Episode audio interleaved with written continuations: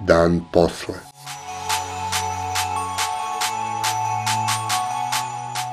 Podcast o krizi i njenim posljedicama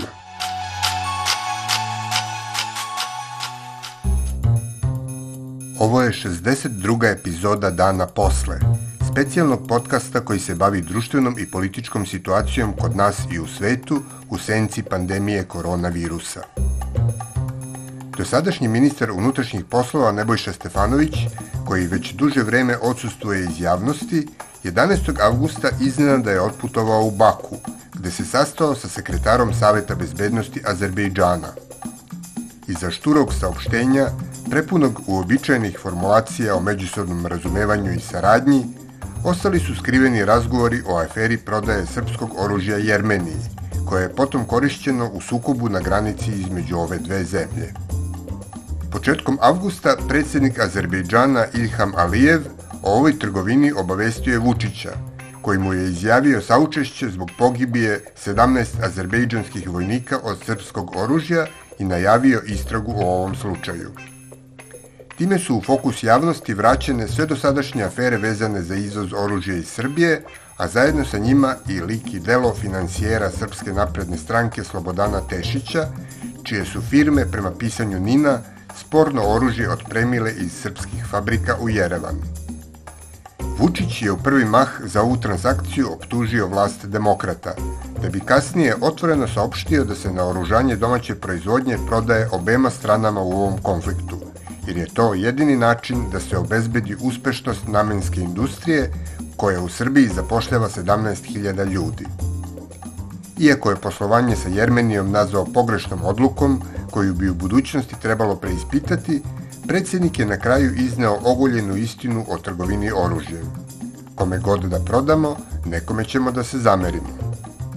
O tome da li je kupoprodaja oružja više od biznisa, po kojim nepisanim pravilima funkcioniše kao i o tome ko sve i s kime trguje srpskim naoružanjem, razgovarali smo s Nikolom Lunićem, izvršnim direktorom Saveta za strateške politike.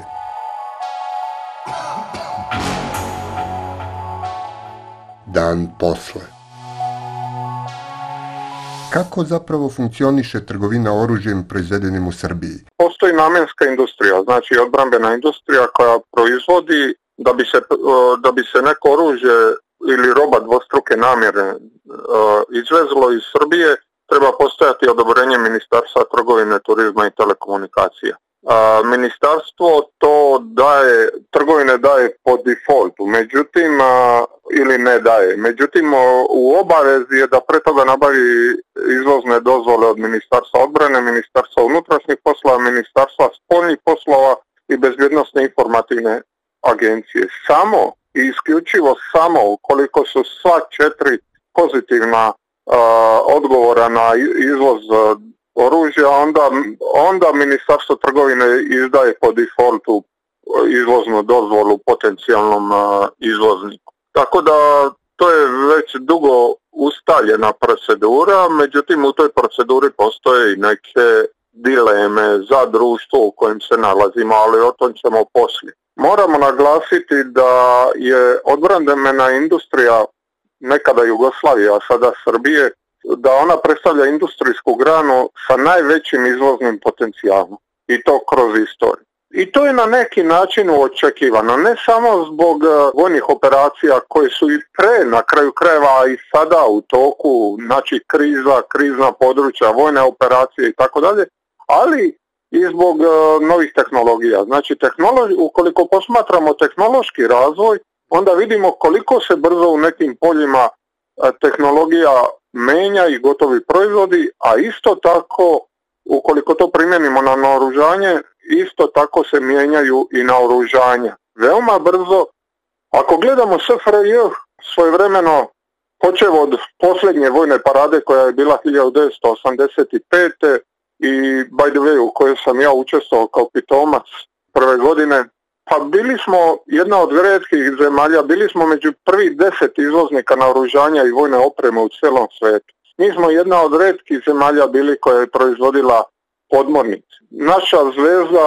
industrijske proizvodnje je bio tank M84 koji smo prodali Kuwaitu. Razvijali smo nazvučni borbeni avion, imali smo sjajnu saradnju sa Sjedinjenim američkim državama u kojim smo trebali izvesti 5000 aviona Galeba 4. Tako da smo u to vrijeme predstavljali jednu moćnu, stvarno moćnu zemlju, a danas kako je stanje u današnjoj proizvodnji? Proizvodimo uglavnom veoma jednostavne proizvode, naravno traženu artiljerijsku i midobacašku municiju, veoma traženu oružje kalibra ispod 40 mm, Naša top proizvodnja je samohodna haubica Nora, oklopni transporter Lazar koji u svetskim razmjerima možda konkurišu po pitanju cijene, ali sasvim sigurno ne konkurišu po pitanju kvalitete. A koje u doba SFRJ e, prodavao domaće naružanje, ko danas prodaje? U doba SFRJ je to ne monopolistički prodavao Jugoimport SDPR. On se osnovao neposredno poslije drugog svjetskog rata, znači on se osnovao je u 1949. godine i to rješenjem u to vrijeme ministra narodne odbrane maršala Josipa Broza Tita sa primarnim ciljem da uvozi delove i repromaterijal za potrebe domaće vojne industrije. I radi toga su se oni osnovali. Međutim, oni su to monopolistički kasnije izgradili tako da se bave i izvozom i uvozom. Danas to nije slučaj. Danas se izvozom bave sve registrovane kompanije, agencije, firme koji su registrovane u Ministarstvu trgovine, uključujući i SDPR. Naravno u obavezu su da plaćaju poreze, dažbine državi, ali nisu u obavezi da se pridržavaju nekakvih političkih ili nacionalnih interesa, nego samo principa profitabilnosti. Hoću da naglasim, znači za trgovinu oružjem odgovornost nosi samo država, jer ona izdaje i privatnicima i sdp u dozvole za kontrolu i promet robe dvostruke namjene i naružanje i vojne opreme. Prema tome, država mora da spriječi interese pojedinaca, trgovaca i oni ne smiju da budu jači usporne politike naše države. Pa kome se država sad odobrila da prodaje naše oružje i e, u kakvom su međusobnom odnosu ti sadašnji trgovci e, sa državom, a i međusobno? Trgovci oružjem su međusobni konkurentnici i oni se bore za, između sebe za svoje poslove i, i kod države, odnosno državnim firmama. Saudijska Arabija i mnoge zemlje, treba naglasiti, mnoge zemlje nisu ne posluju po eksplicitnim pravilima međunarodne trgovine oružja. Kad to kažem eksplicitna pravila, mislim pre svega na end user certificate.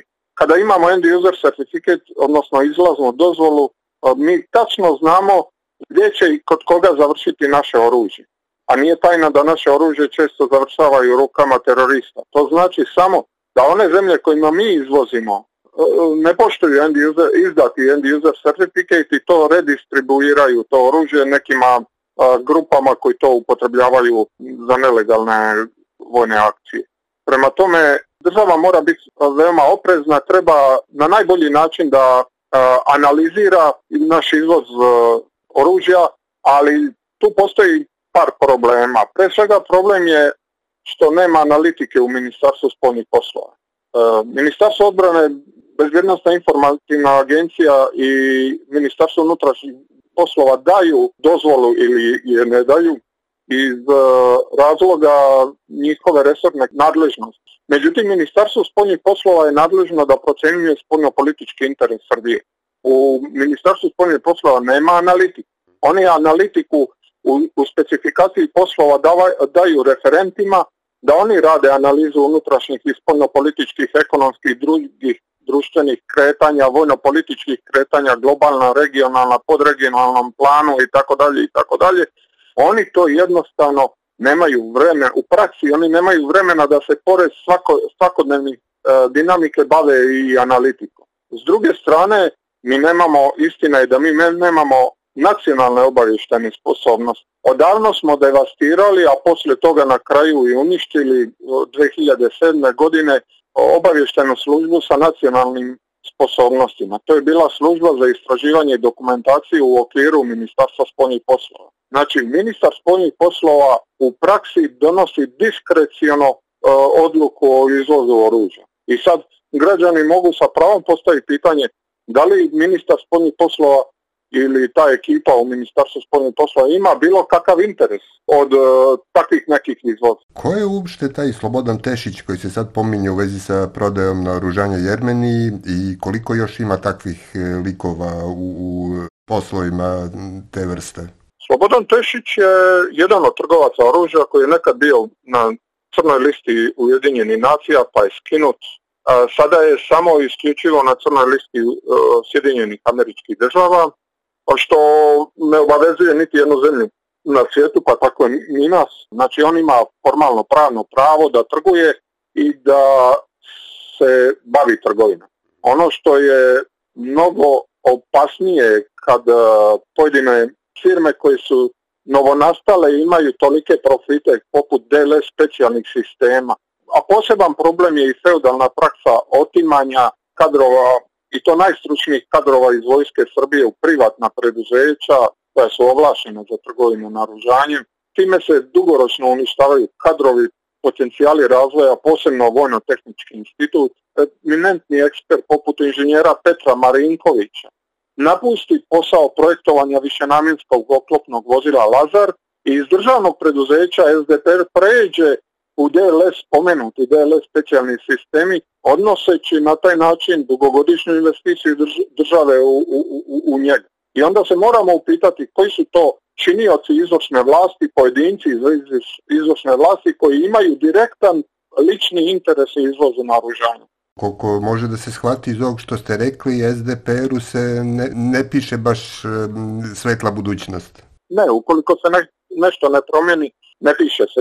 Iako on je de jure državno preduzeće sa tradicijom u prometu naružanje, ali de facto predstavlja on partijski privilegovanu kompaniju bez kontrole vlasnika, odnosno bez kontrole države. U budućnosti, kad me već pitate u budućnosti, oni bi trebali da imaju krucijalnu ulogu Jugoimport, ali na jedan drugačiji način.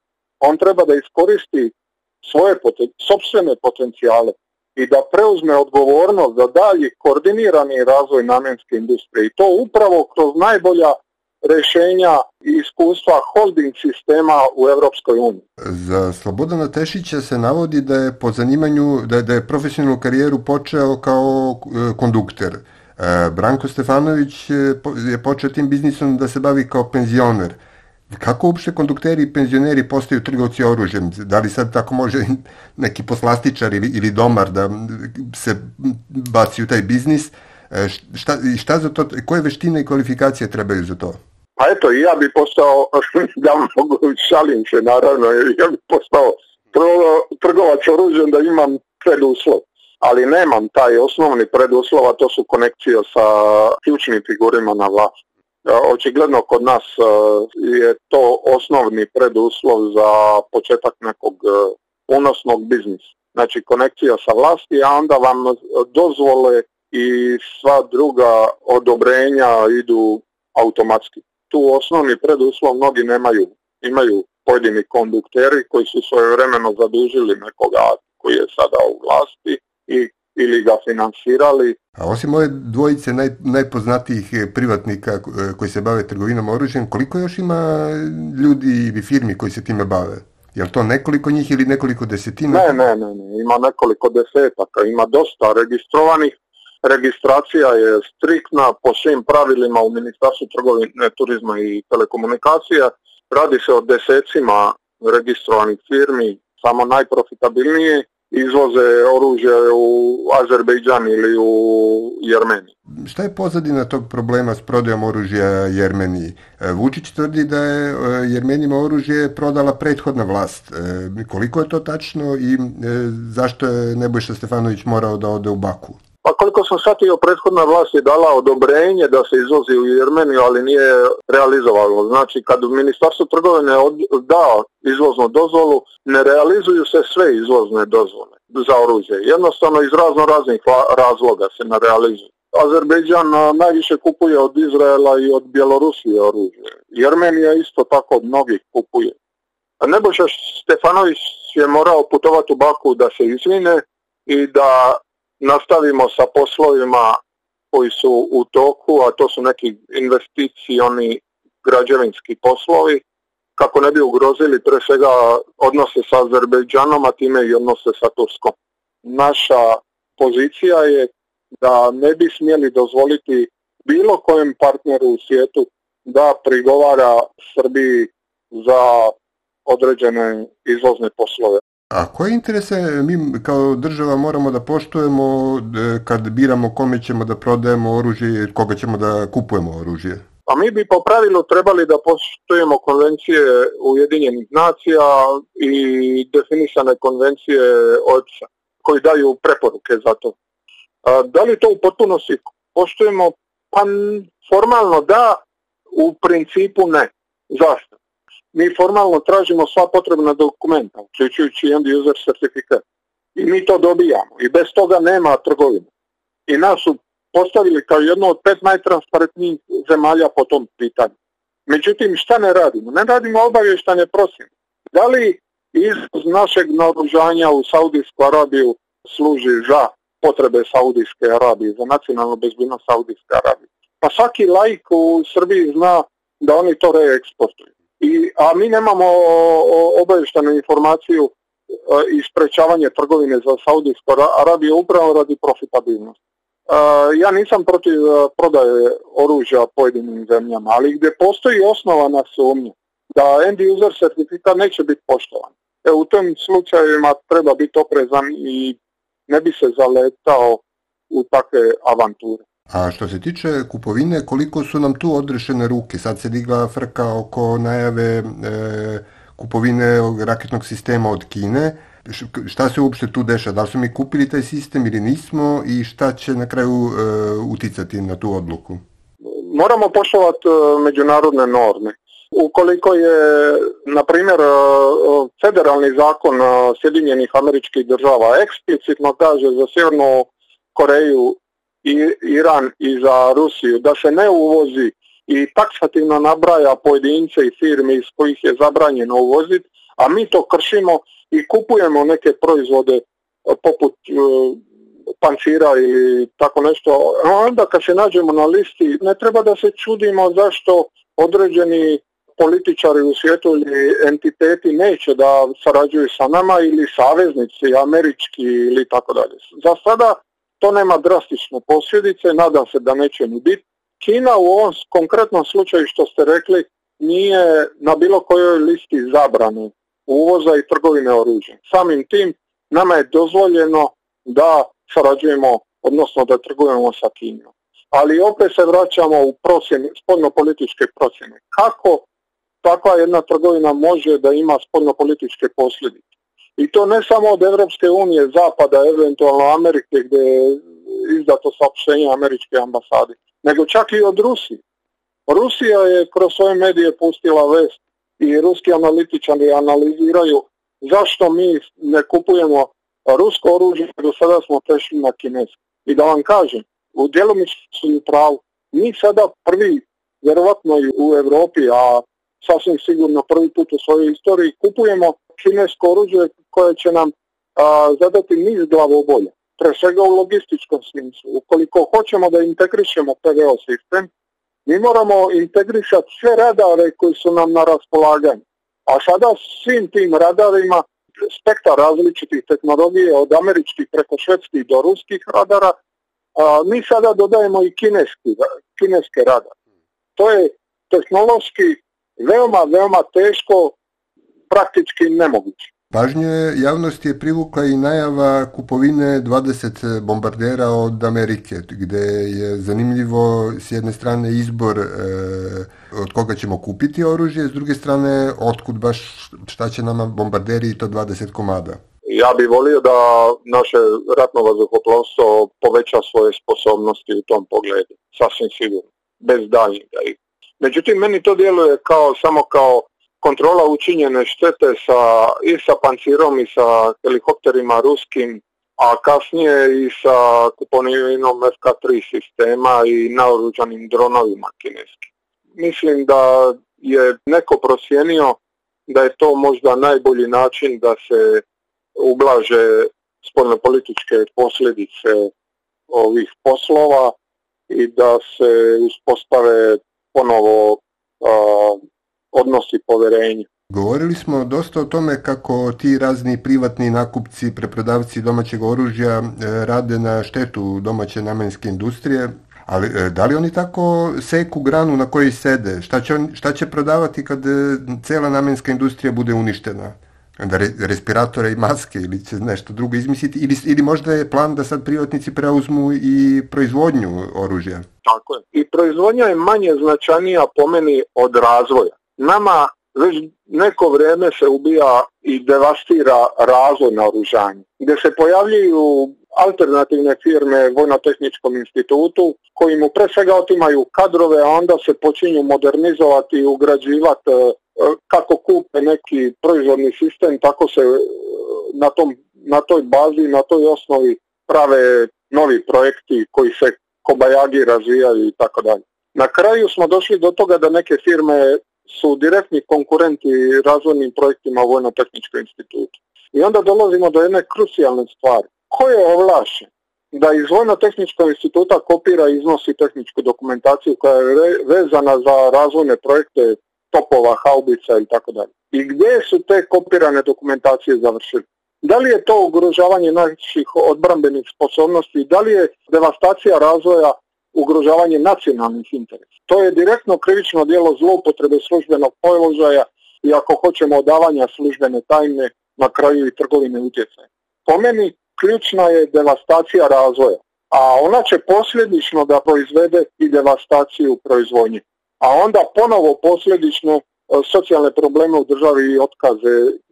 Najmanji problem je što će neki ljudi ostati bez posla. Najveći problem je što će Srbija ostati bez odbrambene industrije a sada smo već ostali bez savremene odbrambene industrije. Nedostaju nam ljudi u izvršnoj vlasti koji će ispred svog angažovanja staviti nacionalni, a ne lični interes. Tek tada će naša država u svim oblastima, u ovom slučaju o kojemu mi pričamo sada, u odbrambenoj industriji da krene naprijed.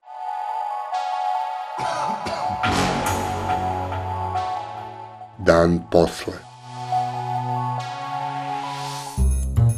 Bila je ovo epizoda dana posle za 14. avgust 2020. godine.